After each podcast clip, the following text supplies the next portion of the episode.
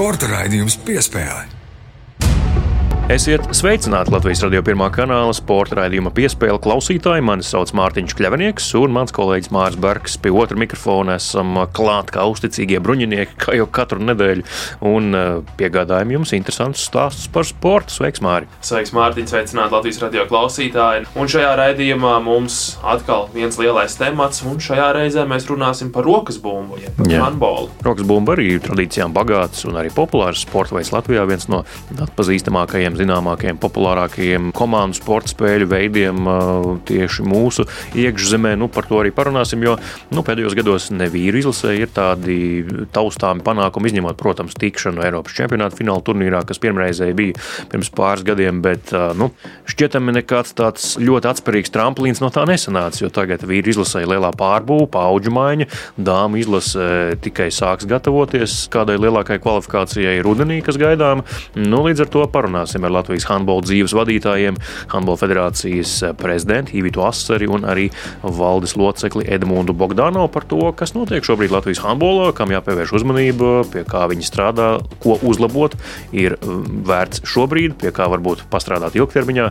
Tos visus jautājumus uzdosim viņiem, un tas ir raidījuma otrajā daļā, bet tradicionāli un nemainīgi raidījums sāksies ar nedēļas topu, kurš šonadēļ krāsains, um, spilgts, jā, varbūt netik izteikti atkal būs viens līderis, par ko mēs runāsim, tātad eh, notikumu topā, ko varētu izvirzīt, bet eh, noteikti jāsāk ar Latvijas čempionāta fināls arī hokejā, kur eh, Zemgale ir aizvadījusi nu jau trīs mačus, pirmos divus uzvarēja pārliecinoši, savās mājās Jāgavā izmantoja mājas spēļu priekšrocības pilnībā, nu ar ābola vīri rulē uz priekšu diezgan pārliecinoši. Pats galvenais, kas man iepatikās šajā finālsērijā un kas man vispār Latvijas čempionātā pēdējā laikā ļoti piesaista, ka spēles ir azartiskas. Komandas kārtīgi cīnās, slido, met pa vārtiem, ir spēka spēle. Redzējām arī finālsērijas mačos. Ir mazliet asumiņa komandas, mazliet izplūcās, kā hokeja ir pieņemts. Tas tikai normāli. Grūstās un viens otru mazliet arī iedunkā kādu reizi. Tas viss piederās pie lietas Latvijas čempionāts hokejā, aizraujoša finālsērija. Zemgala Latvijas Lauksaimniecības Universitātē jā, pret uh, Olimpu Vēta 2002. varam pateikt. Ja kāds vēl nezināja, nesako līdzi, dariet to. Finālsērija līdz četrām uzvarām, trīs spēles jau aizvadītas. Tā kā, nu, principā finālsērija jau tuliņ, tuliņ sversies uz otru pusi, kad beidzot ir jānoskaidro uzvarētājs, kurš tad to čempionu kausu pacels. Zemgals, ap citu, kad uzvarēja pirmo spēli sērijā, tā viņiem vispār bija pirmā uzvara komandas vēsturē finālsērijā. Finālsērijās divās viņi bija spēlējuši pagājušajā gadā ar 0-4 zaudēju Olimpam un pirms tam Kārtam. Arī vienā citā finālsērijā, kurā piedalījās arī pretiniekiem, zaudēja 0 pret 4. Eh, Pirmajā finālsērijas spēlē Zemgale, kurā viņi iemet 5 vārtus. Viņi, 5-0 jau pirmajā spēlē viņi iemet vairāk vārtus nekā visā pagājušā gada finālsērijā kopā. To arī Artis Sābols komandas, eh, Jāgaunas komandas galvenais treneris arī pēc pagājušā gada zaudējuma finālsērijā atzīmēja, ka uzbrukums noteikti negāja tā, kā vēlētos. Un tagad Edgars Kulda, Roberts Jekimovs un Artūrs Ozoliņš triecienu maiņa, protams, Eriks Vītos vārtos. Cementē to, ka ir komanda stabila mm, arī pēdējā bastionā. Bet uh, Latvijas čempionāts uh, hokejā, tā ir fināla sērija. Kā tā beigsies, to mēs skaidrs, ka šobrīd nezinām un nevaram pateikt, bet uh, varam vien aicināt jums doties uz hallēm, jo vismaz Jāgavā tiešām hāla bija pilna, daudz skatītāju vietu tur nav, bet nu, tiešām skaļi bija cilvēki publikā, kas pozitīvi tā tam hokejai ir jābūt. Izbraukumā ierasties tas nekad nav vienkārši faniem, jo zinām arī hokejā kaislības nerad ir tribīnēs, un tur arī var dabūt eh, kādu dunku ribās, ja kaut ko ne tā pasaki jārunā arī par notikumiem Nacionālajā hokeja līgā. Zemgus Gigantsons, Buffalo Sabres. Kurš tas jau ir gads? Buffalo jau 11. 10, ja ne pat 11. 11. Jā. Jā. Un Zemes Gigantsons atkal kārtējo sezonu pēc kārtas visu savu karjeru, ko viņš ir pavadījis NHL, viņš tā arī nav sasniedzis izslēgšanas spēles, un arī šogad Zemgus Girgensons nespēlēs Stanley Kausa izcīņā. Tas nu jau ir pilnīgi oficiāli līdz sezonas beigām, regulārās sezonas beigām. NHL vēl ir 8 līdz 10 spēles, kā kurai komandai, bet uh, Buffalo tagad ir oficiāli zaudējuši. Ja kādas izredzes, matemātiskas izredzes kvalificēties Stanley Kausa izcīņā vairs nav, teorētiskas izredzes viņi bija zaudējuši jau ap Ziemassvētkiem. Šī sezona viņiem sākās, kā sākās tur šī Džeka Aikela sāga un, un vispārējais, bet viņi spēlēja labu sezonas ievadā arī šo sezonu. Pagājušā sezona arī, bet pagājušā sezona tur bija mm, pamatots kaut cik cerības ar Aikelu vēl, ka viņi tiks Stanley Kausā. Tā komanda sāk izskatīties pēc playoff komandas, nu vismaz tādas, kas var iekļūt pirmajā kārtā, arī Kesijs Mitlstāds, viens no jaunajiem talantiem, Rasmus Dalīns arī nevar aizmirst labi spēlētāji, taču kaut kā Buffalo spēja spēlēt labi tikai oktobrī. Tiklīdz sākas novembris, šī komanda, kā angļu valodā mācīja teikt, nogājušas no klīns, zaudēja krietni vairāk spēļu nekā spēja uzvarēt. Un, uh, to mēs jau arī vienā no pirmajām piespēlēm šogad teicām. Zem, es gribētu, lai Zemgus Girgensons tiek prom no turienes. Skaidrs ir forši visu karjeru nospēlēt vienā klubā. Taču viņš ir tajā vecumā, kad viņam ir jāsāk cīnīties par kaut kādiem rezultātiem. Vairs nevar tikai par kaut kādām sentimentālām lietām domāt par spēlēšanu vienā klubā un tam līdzīgi. Un viņš noteikti būtu vērtīgs komandām tādām kā Colorado Avalanche, kā Tampa Bay Lightning un citām. Kā mazākuma speciālists ļoti sakarīgu līgumu. 11 gadu pēc kārtas neiekļūšana izslēgšanas spēlēs, jeb Stanley Kausa izcīņā, tas ir jauns eh, Nacionālās hokeja līgas rekords. Um, ļoti neglaimojošs rekords, protams, iepriekš Floridas Panthers un arī Edmontons Oilers bija desmit gadus pēc kārtas neiekļuvuši Stanley Kausā.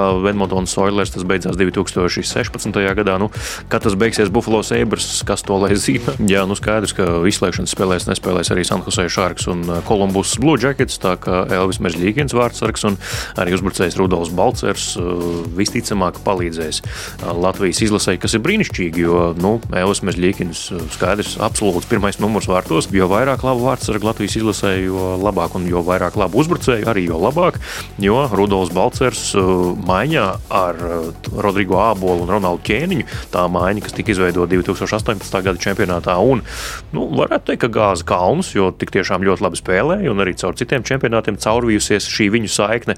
Es domāju, šogad, kad Rodrigo Ābols ir uh, viens no rezultatīvākajiem vispār Zviedrijas čempionāta izslēgšanas spēļu spēlētājiem, Erebru kapteinis, Rudolfs varbūt ne tik labu sezonu aizbijis NHL, bet arī kaut kādu pārliecību lielāku par saviem spēkiem guvis. Jā, arī ķēniņš kļūs varbūt vecāks, nosvartāks, bet noteikti nesīsies pa laukumu tāpat kā nesās arī visus pārējos čempionātus. Tā kā tāda laba kombinācija starp viņiem trim un ceram arī uz šo maiņu un, protams, arī uz pārējiem, kas palīdzēs.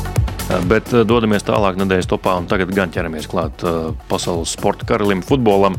Nu, un, jā, UEFA Champions League. Nu, nesenākās spēles, kas notika trešdien, ko var minēt, nu, tad Minhenes Bayern klupiens pret Villarreal. Nu, tas laikam ir tāds izceļamākais no, no šīm spēlēm, kas tagad aizvadīts nesenākās šonadēļ. Jā, šonadēļ sākās UEFA Champions League ceturdaļfināli. Pirmās četras spēles nospēlētas otrdienu un trešdienu atbildes spēles noskaidrosim Champions League pusfinālistus. Tiešām tevis pieminētā Villarreal Münchenes Bayern spēle pārsteidzošs rezultāts. No vienas puses, man tieši tajā dienā arī bija sporta ziņas.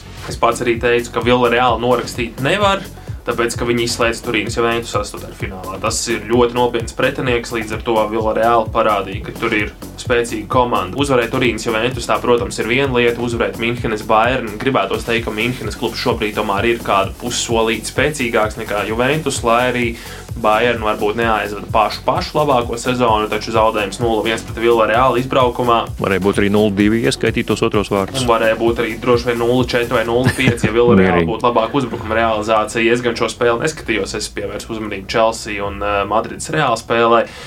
Tur Madrides Reāla un Karims Benzemā viņam ir atvērusies kāda septītā jaunība. Jā, nebija, nebija jau Chelsea pret Reālu, bet bija uh, Chelsea pret Benzemā. Hatriks Benzemā trīs vārti. Un, kā jau kaut kur internetā cilvēki izteicās, ja uz Balonu de Oro trofejas jau nav uzrakstīts Karima Benzemā vārds, tad nu, to jau vajadzētu sākt darīt. Pēdējais brīdis.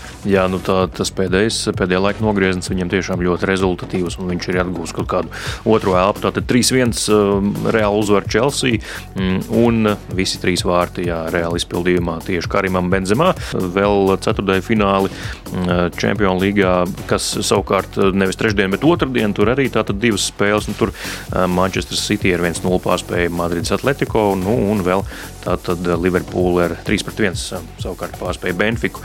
Nu, visticamāk jau, ka Jā, gan Liverpoola, gan arī City tiks tālāk. Atletico kaut gan spēles savā laukumā es nenorakstītu. Interesanti, ka Atletico City spēlē. Atletico nevienu reizi neuzsita pa vārtiem. Nav runa par sitieniem vārtu rāmī, tas vēl būtu normāli, ja ir nulles sitienu vārtu rāmī. Nu, tas nav normāli, bet tas vēl būtu saprotams. Bet Atletico neuzsita vispār nevienu reizi. Pat kaut kur 5 metrus pāri vārtiem. Viņi vispār neuzsita pa pretinieku vārtiem. Tas gan bija interesanti, un arī internetā ir redzams šie taktiskie risinājumi, kā Diego Simeonas komanda Madrids Atletico spēlē. Nu, 5, 5, 0, 5 aizsargi, 5 pussargi, neviens uzbrucējs. Mm. Tā ļoti interesanti šī taktika, bet skaidrs, ka Simeona un Atletico, un tīpaši savā laukumā, tur nekas nav beidzies. Tur viss vēl ir tikai priekšā. Ir īpaši, ja rezultāts ir tikai 1-0 dodamies tālāk nedēļas topā. Un, protams, nu, ja jau Champions League futbolā, tad arī vietējā virslīga futbolā Latvijā par to arī jārunā. Un, nu, šobrīd ir piektā kārta raidījuma skanēšanas laikā, bet ceturtā kārta noslēdzās šīs nedēļas pirmajā pusē. Un pēc četrām kārtām līderi Liepāja, savukārt ķekavs Auda kurai prognozēja labus rezultātus un to pirmo nosacītu piecinieku, kā mēs arī šeit piespēlē runājām ar eh, futbola lietpratējiem Arkādiju Birjuku un Edmundu Novicki. Visticamāk, Auda varētu būt tajā piektajā vietā sezonas beigās, bet nu, šobrīd eh, jā, pirmais trīnieks un eh, neviena ielaista vārti pēc četrām kārtām. Jā, nu viena spēle nostāv, nospēlēt sausā, tas vēl būtu saprotams, bet četras spēles palikt uz nulles, nosargāt savus vārtus neizkartus. Tas ir tiešām ļoti atzīstams sniegums. Turklāt jāņem vērā, ka Auda atgriežas virslīgā. Nav gluži ikdiena šai komandai spēlēt šādā līmenī. Skaidrs, sastāvs ir krietni pamainījies, ja salīdzinām ar pagājušo sezonu. Ir pamats šai komandai cerēt uz labiem rezultātiem, taču Audas aizsardzība tiešām ir laikam tāds lielākais pārsteigums vispār uh, sezonas ievadā. Un vārtos viņiem ir Kamerūna jauniešu vārtu vīrs, eh, kura vārdu uzvārdu Māri tu pirms eh, pārēdes negribēji, negrasījies saņemties drosmi nosaukt. Es arī ētrāli māk to nedarīšu, varat paši atvērt un apskatīties, kā viņu sauc, bet eh, kamerūniešu vārdsargs skolojies Spānijā, tātad iemaņas ir labas, Barcelonas sistēmā bijis. Tiesa pēdējos divos gados nebija aizvadījis nevienu maču. Un pēdējā pieturvieta bija Horvātu klubs Horvātijas līgā. Nu, protams, ka, ja Auda ir Horvātu treneris, tad viņš pa saviem kontaktiem atrod šo spēlētāju, kas ir ar ļoti labām iemaņām, prasmēm un paskat, kā māk arī spēlēt Latvijas virslīgā. Nu, kas vēl, kas tev pārsteidz? RFS aktuālā čempioni jau nu, paklupusi vai ne paklupusi, bet jau ar diviem nešķirtiem, 0-0 pret audu un 1-1 pret metu. Tā kā divi tādi nešķirti, kuros viņi noteikti jau uh, to nebija nemaz ieplānojuši, ka tā varētu būt skaidrs, ka smaga spēle un čempioniem diezgan tāds ērkšķēns sezonas sākums. Valmiera arī ļoti švaki sākusi, nosacīti švaki. Protams, Valmieru pieskaitījām pat čempionu titulu pretendentiem, bet pēc četrām kārtām pieci punkti jāsaka, ka ir neapmierinošs sākums. Un arī Riga ar Torstenu Finku priekšgalā lielo naudas maisu.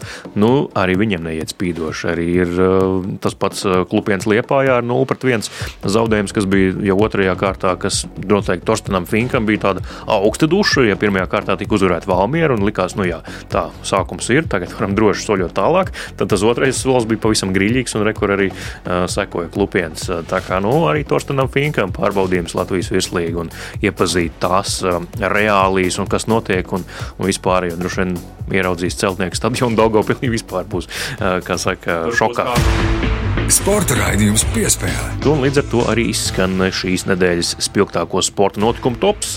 Raidījums piespēle Mārtiņš Kļavnieks Mārs Bergs lielā intervijā. Šajā raidījumā runājam par rokas bumbu, jeb handbolu, un atbilstoši arī studijā ir divi viesi saistībā ar šī sporta veidu pārvaldību Latvijā, proti Latvijas Handbola federācijas prezidente Ivita Asari. Sveiki! Labdien. Un arī valdes loceklis Edmunds Bogdanovs. Sveiki! Labdien. Jā, Mārnu, tad ķeramies klāt rokas bumbai. Jā, ķersimies klāt rokas bumbai. Esiet sveicināti šeit pie mums studijā, un sāksim varbūt ar tādu mazliet vienkāršāku jautājumu. Pastāstiet par kopējo situāciju Latvijas handbolā šobrīd, kā mēs to varam raksturot. Latvijas handbolam ir augšupēja vai stagnācija, vai drīzāk mēs esam tādā lejupējošā līknē jau nonākuši Latvijas handbolā. Nu, mēs federācijas vadībā ļoti gribētu ticēt, ka lejupslīde ir apstājusies. Un e, ka mēs šobrīd e, nostiprinām mājas pamatus un esam virzienā, lai dotos augšup meklējam labākos risinājumus šai pamatu stiprināšanai, pareizos materiālus, pareizos elementus. Faktiski arī saprotam vēl līdz galam arī savu saimniecību. Kas, kas tad mums kurā vietā Latvijā notiek? Darāmā ir bijis tik daudz, ka ir vēl daudz nianses, jā, kurās, kurās mums ir jāiedziļinās līdz galam. Kas varbūt ir tie darbi, nu minējāt pamatu stiprināšanu, kas tad ir šie darbi, kas šobrīd federācijā tiek veikti, lai stiprinātu handbola pašus pamatus? Kā jau arī jūs pamanījāt, mums Tas bija tagad, eh, laikam, februārī. Mums bija pirmais eh, handbola fórums. Tur bija viens no mūsu kolēģiem, manuprāt, ļoti labi izgaismoja šo iepriekšējo problēmu, ka federācija ļoti ilgus gadus bija fokusējusies uz uh, fasādes spodrināšana, ja tā var teikt. Mm -hmm. Ļoti liela uzmanība bija tieši uz izlasi un tieši uz vīriešu izlasi. Saka, kas varbūt tai fasādē iekšā vai uz kā tas viss turējās, tam tika pievērsta mazāk uzmanība. Nu, tad mēs šobrīd eh, mēs gribam strādāt ar šo piramīdas pamatu kas ir bērni un jaunieši, kas arī ir šī viena no prioritātēm, kas tad parādās arī šajās sporta politikas pamatnostādnēs, kas tagad ir jaunas, laikam jau ir apstiprinātas. Savukārt viena problēma, kas ar to ir saistīta, ir, lai strādātu ar bērniem un jauniešiem, ir vajadzīgi treneri. Mums arī bija ļoti liela diskusija arī federācijā. Nu, tad, īsti, kas ir pirmā problēma, tie treneri vai, vai, vai bērni un jaunieši. Jo patiesībā nu, treneri nepietiek. Tas iet roku rokā. Jā, tā ir, man liekas, tā diskusija vist vai olija. Tieši tā, jā, jo tad, tad nav bērni, bet savukārt, lai strādātu ar bērniem, ir vajadzīgi mm. treneri, jo no vienas puses bērni jau ir, viņi nekur, nekur viņi nav pazuduši. Un tad uh, nu, mēs tad tomēr beigās novienojāmies, ka faktiski tas jauno treneru trūkums, kad mēs to izvirzam, tomēr, ka tas ir priekšplānā, jo nu, tad, uh, tas, ja mums būs tas treneris, tad tas jau arī ir viņa, viņa uzdevums, ka viņš tad iet un, eh, un atrod šos bērnus un aicina sev līdzi. Kopā ar to arī nāk tas, ka mēs faktiski esam arī šobrīd izvirzījuši kā prioritāti tieši Rīgu. Tas, ka mums handbolā ir tieši Rīgā ļoti maza pārstāvniecība šobrīd. Mēs ļoti ceram, ka tad, tad eh, federācija, jo man liekas, pāris gadus atpakaļ bija viens no dibinātājiem Rīgas handbola akadēmijai. Un mēs ļoti ceram, ka mums izdosies šogad pa īstam iedarbināt šo akadēmiju, lai uh, tiešām nodrošinātu, ka Rīgā ir tāda viena centrāla vieta, kur tieši Rīgas bērnus aicināt uh, izmēģināt šo sporta veidu. Hmm. Bet tagad, liekot to fokusu uz Rīgu, vai mēs neiekāpjam otrā grāvī, jo zinām, ka handbols Latvijā šobrīd ir izteikti reģionāls sporta veids un ir spēcīgas skolas, Vaņoda, Lūdza, Dobela, arī citas pilsētas.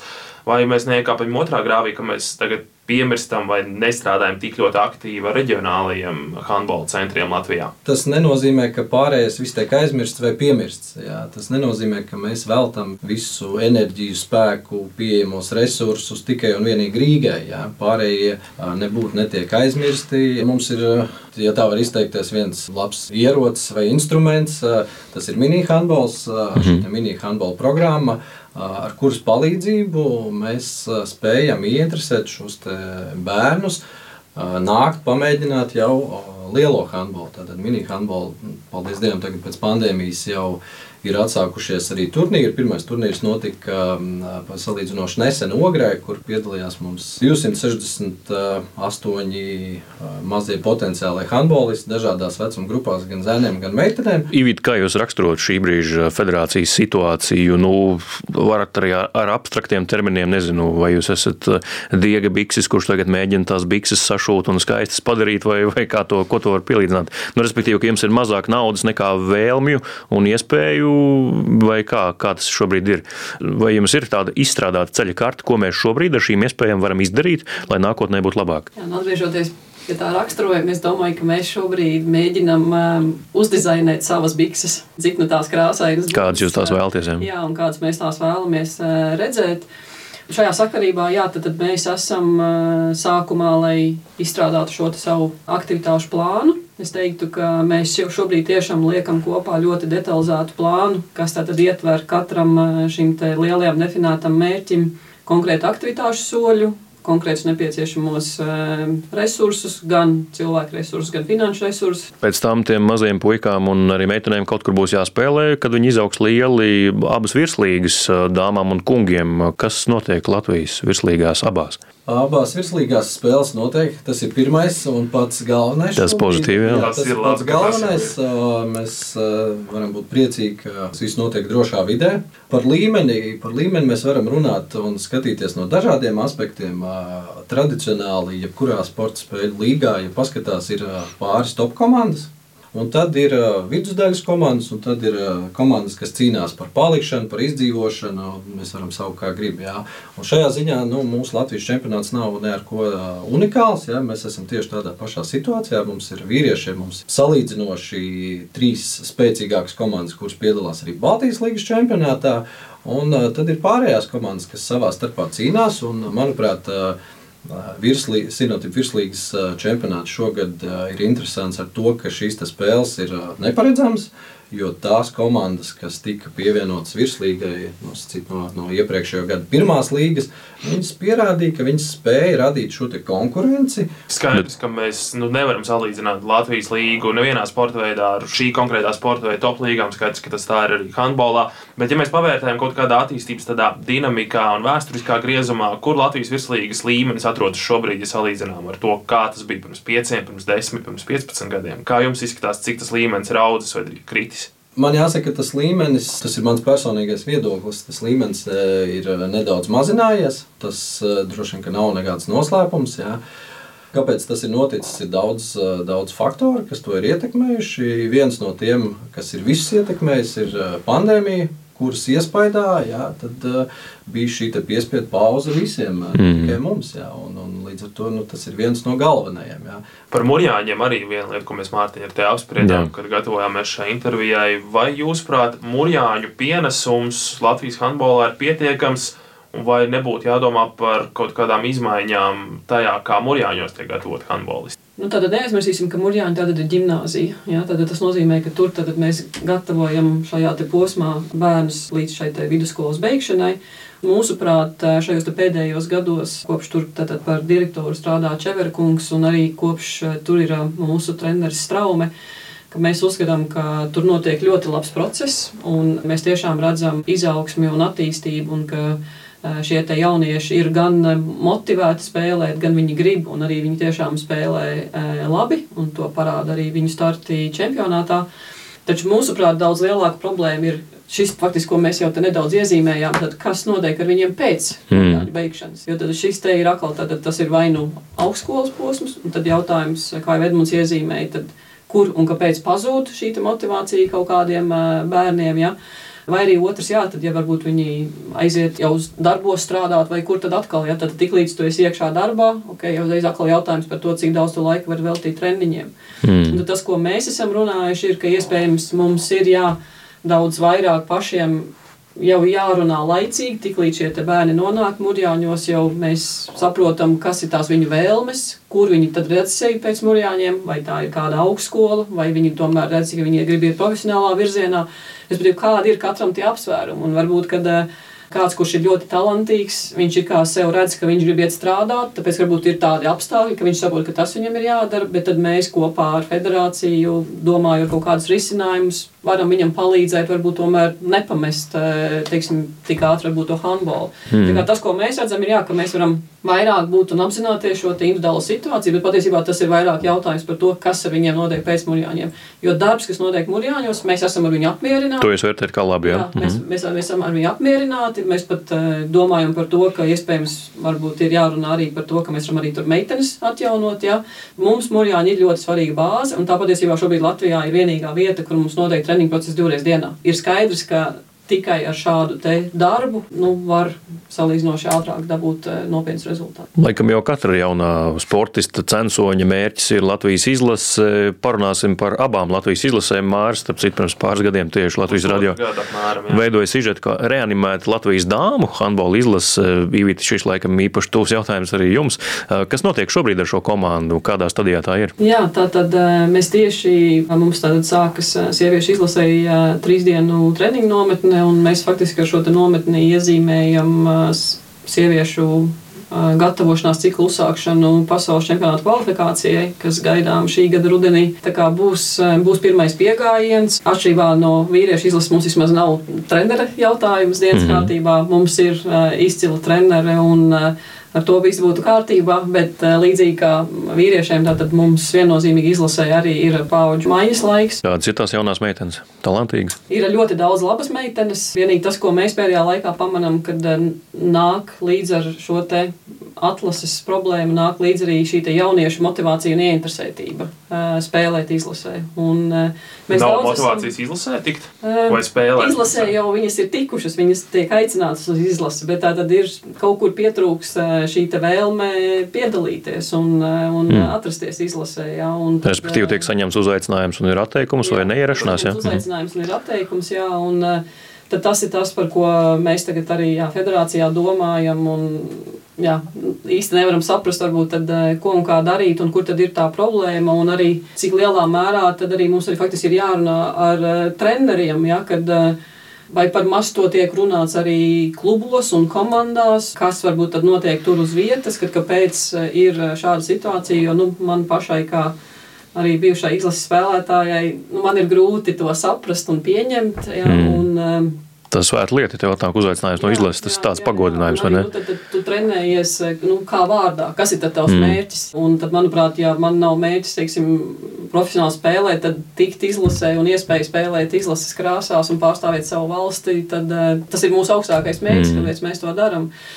Līdz ar to es teiktu, ka uh, Protams, ir jautājums atkal par, arī par šo spēlētāju atlasi, jo nu, skatot, mēs jau pieskārāmies tam, ka šī masveidība mums ir problēma, ka mums ir salīdzinoši maz spēlētāji. Līdz ar to, protams, atkal mēs varam runāt par to, ka mums izlase nevienmēr ir tas, ka mēs esam spējīgi atlasīt labākos, bet tos, kas grib un tiek. Un, protams, mēs atkal nonākam pie tā, ka ir daudz jāstrādā ar to, lai mums aug jaunā maiņa, lai mums ir jaunie spēlētāji, lai mums ir no kā izvēlēties un atlasīt. Bet ir noteikti meitenes, kas grib un kas spēlēs un kas darīs. Un ir uh, treneru korpus, kas grib strādāt un uh, arī sasniegt šos rezultātus. Uh, līdz ar to es domāju, ka tas ir gan mums, gan visiem treneriem, arī šo izlases spēlētāju treneru jautājums. Jā, kas ir tas, varbūt, ko mēs savā treneru darbā neesam izdarījuši līdz galam, lai būtu šī motivācija un vēlme pilnveidoties un darīt vairāk un darīt ne tikai tad, kad kāds uz tevi skatās, bet darīt arī pašam. Minējāt, ka sieviešu izlasē ar treneru korpusu viss ir kārtībā, tas ir labi, bet kas notiek ar vīriešu izlases treneru korpusu? Tur mēs zinām, ka galvenā trenera mums nav pašlaik, vismaz publiski par to mēs nezinām. Galvenā trenera pagaidām nav. Federācijas padome ir uzdevusi valdei uzdevumu, laiks ir nolikts līdz māja beigām. Darbs notiek, Šobrīd niansēs es negribu iedziļināties. Ārzemnieks, Latvijas. Uzvārdus es nekādus ne, nevarēšu nosaukt, negribu spekulēt, bet uh, virziens mums ir uh, skaidrs, uz kuru mēs virzamies. Jā, tad, tad, Pirmais tiek izskatīts ārzemju speciālistu mm -hmm. kandidatūra, un tad jau no tā izrietēs arī uh, visdrīzāk pārējais treneru sastāvs. Jo tas, ko mēs noteikti gribēsim, ja tas ir uh, ja tas būs ārzemnieks, tad lai vietējie mūsu treneri iesaistītos šajā darbā un smelto šo pieredzi un, un zināšanas. Jā, bet tā tāda tiešām apjomīga paudžu maiņa, ja Oskars Arājs, Egils Politers arī saka paldies izlasē, tad principā paliek Dainis. Nu, Vārtsarglīnijā vēl pieredzējuši spēlētāji pārējie vairāk vai mazāk visi būs jaunie. Vai nebūs atkal tas efekts, ko jūs sacījāt pēc Fēru salām un zaudējumiem tur, ka visi skatās uz Daini, ka viņš jau izdarīs un pašiem varbūt negribās uzņemties iniciatīvu iniciatīvu? Nu, no sarunām ar jaunajiem spēlētājiem šobrīd, šobrīd mēs par to īstenībā baidamies mazāk, jo viņi šobrīd spēlē sava līmeņa izlašu grupās, ja, un tur viņiem ir jāspēlē. Tur mm. nav, tur nav, tur nav daņa. Tur nav daņa, jā, jā. tur nav jauna daņa, diemžēl. Pagaidām. Un tāpēc eh, mums šobrīd liekas, jā, ka viņiem ir ļoti liela arī vēlme un ambīcijas tikt izlasē, jo viņi varbūt visu laiku, jo daudz no viņiem patiesībā ir jau bijuši šajā garajā sarakstā, jā, bet īsti līdz eh, iespējai sevi parādīt nav tikuši pārmaiņu process ar to arī ir interesants un izaicinošs, ka jāspēj pielāgoties šīm pārmaiņām, pārvarēt, un, un tad jau nākamais solis nu, ir šis sasniedzamais rezultāts. Paldies uh, Latvijas Handbola federācijas um, prezidenta Hīvita Asere un arī mm, valdes loceklis Edmunds Bogdanovs bija sarunā šeit uh, raidījumā piespēle. Mārs Bergs, Mārtiņš Kļavinieks pie mikrofoniem. Uh, plaši parunājām par handbolu. Paldies jums, kā atnācāt, pastāstījāt. Nu, tad sekojam līdzi jaunumiem gan izlases, gan klubu dzīvē. Šeit ar jums sarunājas Mārtiņš Kļavinieks un Mārs Bergs. Laiks tradicionālajai iknedēļas rubrikai, kur pavaram priekškaru uz aizkulisēm sportā. Pagājušajā nedēļā saņēmām labas atsauksmes par basketbolu reportāžu, par to, kā Oskars Lūcis vada Latvijas-Igaunijas izslēgšanas spēli. Un tā kā šajā redzījumā runājam par handbolu, tad domājām, ka Reini varētu aizsūtīt līdzīgā uzdevumā un arī pavērt tādu netradicionālu priekškaru uz viena handbolista ikdienu. Jā, nu, kā zinām, handbols Latvijā ir pusprofesionāls sporta veids, proti, spēlētāji ikdienā dara pavisam ikdienišķus darbus, tāpat kā mēs visi, gan mēs ar tevi, Mārtiņ, gan arī mūsu klausītāji. Bet uh, vakaros vai pēc darba, savā brīvajā laikā viņi dodas uz sporta zāli un trenējas savā sporta veidā, šajā gadījumā handbolā. Līdz ar to mēs Reini aizsūtījām pie viena no Latvijas izlases spēlētājiem, kurš trenējas un spēlē tepat Latvijā, un arī dara parastu darbu. Tas ir vārdsargs Raits Pūriņš. Kas lācītim vēderā? Kas te notiek? Un kur pārējie? Žurnāls jau prasa bumbu. Jā, spēlē. Zini, kāpēc viņi tādi lipīgi? Jā, nu viņi, lai labāk satver, viņi tur tādi speciāli smēri, ko lipina virsū, un viņi salpina, viņi noķer. Un tad nu, ar to smēri un tās satveres rezultātā ir tas, ka tev metiens varbūt pat pa 20 km, varbūt pat vairāk stiprāks. Tas, ka tu spēj viņu izmest labāk. Nu, rīktīgs vārdsargs, Reniņš. Tikai vārdsargi. Parasti jau tomēr spēlētājiem vairāk jāpieklūst metot pa vārtiem. Tā, Marek, tu esi gatavs novadīt iesildīšanos vai kurš ir? Kuram te ir izglītība attiecīgā? Ko? Nē, kurš šitam ir izglītība attiecīgā? Čau. Šodien iesildīšanos. Tam, kuram izglītība ir? Kuram ir? Man nav. Marekam? Aiziet, man aiziet. Nē. Aiziet. Kas desmit reizes rokas visu laiku augšā, viens, divas solis priekš, palecam, sāk, izpešam, saliekam kopā, rokas laiku augšā. Tā, sāk augstāk, sāk nosprāv, viss ir rokas augstāk, šeit. Tā, es ceru, ka Kasparam jau nepatīk šis. kas pats pirmais labi nāc te. Kājas platāk, bet eh, netur taisnās kājas, viņš ieliek ceļus, viņš līdīs caur ceļiem, skaties, lai neuzsit kaut kur pa malām, lai kaut kur nešķikrē. Šeit izlienam cauri, šeit pieceļamies, sagriežamies, atsitām augšu, maucam atpakaļ. 14 reizes, pēc tam mainās. Aiziet nākošais! Atceries, ka būs tas no otras puses arī. Apakš pieceļamies, cēp, labi, super! Un tu teici, ka tu vakar treniņā nomiri, jā, no rīta. Raitis Puriņš ir Latvijas handbola izlases vārdsargs, bet paralēli tam viņš strādā arī par uzņēmuma Printful mārketinga vadītāju. Ikdienā viņš vada vairāk nekā 100 cilvēku mārketinga komandu. Tas, ko mēs darām, es, eh, es man patīk teikt, nu, nav viegli izskaidrot. Mēs tajā lifta braucienā es to nebūtu izstāstījis, un tu nebūtu kā, iespējams pat nopietnis mani. Bet man patīk, ka mēs ļaujam jebkuram sākt savu biznesu e-komercijas. Un ko mēs piedāvājam? Mēs piedāvājam risinājumu, ka tu uztaisīsi savu e-komercijas veikalu, uzliec savu dizainu virsmu, uz krēsla, krūzītēm, leggingiem, mugursomam, cepurēm. Nu, mums ir trīs pārprodukti. Un tad nu, tev ir mājaslapa, Rēņa veikals LV, piemēram. Un tad eh, kāds ienāk iekšā, mēs esam Laurienai to veiklā, viņi pasūta nu, to produktu tieši, un tajā mirklī tu vēl neko neesi tā kā iztērējis, neko. Nu, tā kā tu neesi par to maksājis, vienkārši esi uztaisījis mājaslapu un viss. Tajā mirklī, kad kāds nopērk, mēs paņemsim to kraklu, uzdrukāsim, aizsūtīsim gala klientam. Mēs arī šeit visi nevis eh, strādājam tik daudz Latvijas tirgu, bet mēs tās savu zināšanas eksportējam. Primārais tirgus ir ASV. Nu, Anglija, Spānija, Vācija, Francija, Japāna, Brazīlija, nu, visa pasaule. Latvija ir 0,5%. Mēs to vajag, mēs te esam tikai tāpēc, lai tu un visi citi gribētu mums kādā mirklī strādāt. Nu, mēs veidojam šo tēlu. Tas ir tas ir mūsu darbs nu, Latvijas tirgū. Pasākumu organizēšana, dekorēšana. Redz, visu laiku sūta tādus mamiņus mums. Svētku dekorēšana. Paldies, nebūs interesanti. Tas ir liels uzņēmums, tad tev visi ceni grib tevi strādāt. Jo, tā ir viņa tā vēlme. Es, mums ir ar sievu kopīgais kalendārs, lai viņi zinātu, kurā dienā es būšu kur oficiālā. Es noteikti būšu 12. aprīlī oficiālā. Es vienkārši nolūdzu, lai vienkārši zina, nu, tā, lai skaidrs, lai var menedžeri, kurš bērns izņem un stāvlīgi neat. Tā kā es esmu vadītājs, tad lielākā daļa manas dzīves ir sapulces un, un ēpastu un kalendāru. Jo man ir, nu, es, kā es saku, savai komandai, es pa lielam nu, nestrādāju. Nu, tā ir, jo no manis nav atkarīgs, vai lietas notiks. Es pieprasu, nu, kādā veidā es uzlieku mērķus un challengeoju. Un uh, rūpējos, uh, rūpējos, lai visiem nepieciešami resursi, kas ir cilvēku resursi, vienkārši nauda, kas ir vajadzīgs, vai nezinu, atbalsts no citām komandām, citiem uzņēmumiem. Tā trešā lieta, es palīdzu. Par mani ilgāk Mārtiņa komandā vēl divi cilvēki. Un, principā, un arī pieredzi koncertīšanā, es konsultēju, sniedzu atbalstu, lai varētu sasniegt tos mērķus, palīdzēt risināt problēmas. Tas ir tā lieta. Saku to, ka nu, ir uzbūvēta komanda. Nu, Mēs jau nevaram izdarīt darbu, ja nebūtu komanda. Viņi arī jāpieņem darbā, jāatrod cilvēki, jāapmāca, lai viņi ir tā, kā tu vēlēsies. Ja es pēkšņi nu, divus mēnešus būtu, nebūtu projām, lietas neapstātos. Viss notiktu tāpat, kā tas noticis iepriekš. Nu, nav vajadzīgs. Bet uh, tas saka, uzņēmums sāks man pietrūkt. Es teiktu, pēc kāda pusgada, jo tad es kaut kādu jaunu virzienu, kādu challenge vai ko tādu. Nu, tā kā, tā kā kapteinis, bez kapteiņa jau kuģis ir iet uz priekšu. Viņš nezina, kur pusiet. Nu, tas ir tāds vadītāja lieta.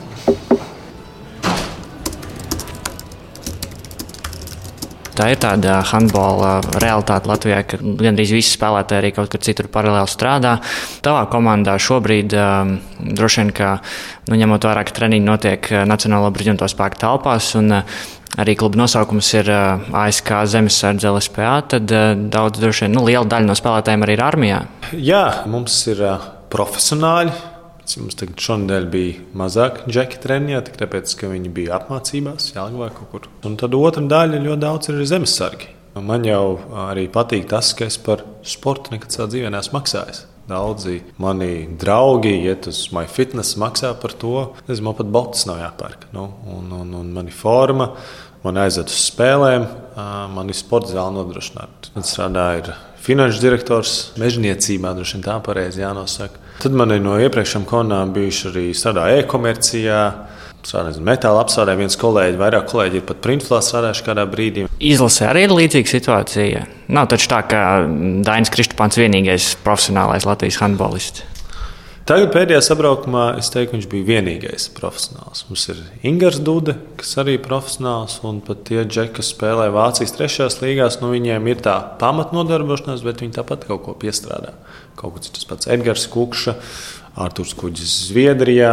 Mums tie leģionāri paliek aizvien mazāk. Nu, jā, un cerams, ka nu, mēs varbūt atgrieztos tur, kur mēs bijām.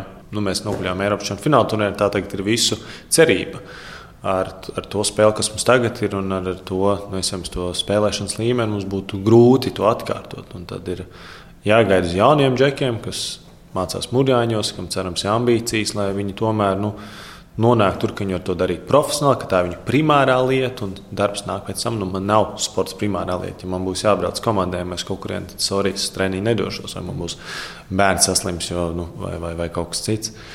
Par citām valstīm Eiropā. Nu, Droši vien, ka Vācija, Francija, un, um, Spānija un Skandinavijas valstīs arī augstākās līnijas. Tur droši vien visi klubi ir profesionāli, bet nu, Latvija vai Baltijas valsts nu, nav tāds droši vien izņēmums, ka, ka mums tikai tā, ka visas komandas uh, ir tādas, tādas amatieru komandas.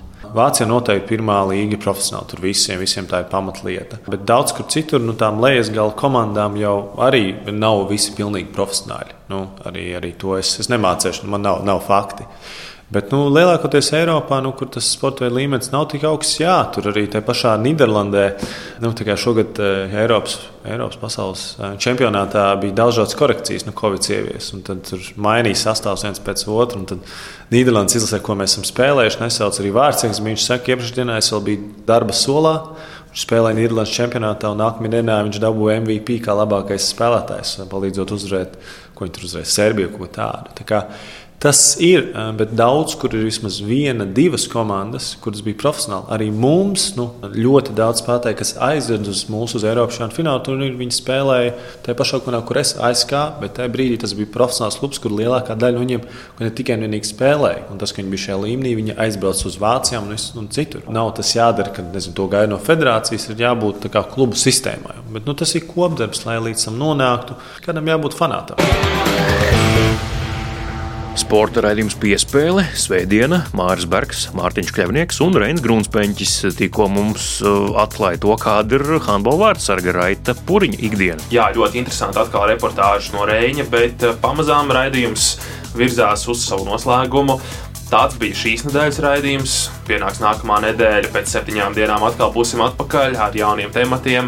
Mārtiņš Kļavnieks, Mārcis Bergs no jums atvadās, bet vēl tikai atgādinu, ka piespēli varat meklēt arī sev jebkurā ērtā raidierakstu, jeb podkāstu klausīšanās vietnē, tīmeklī, un tur arī meklējiet garāku sarunu ar Ivitu Asari un Edmundu Bogdanovu par handbolu, par jauno handbolistu attīstību, federācijas vīziju. Paldies, ka klausījāties, un tiekamies jau pēc nedēļas nākamajā raidījumā piespēlē.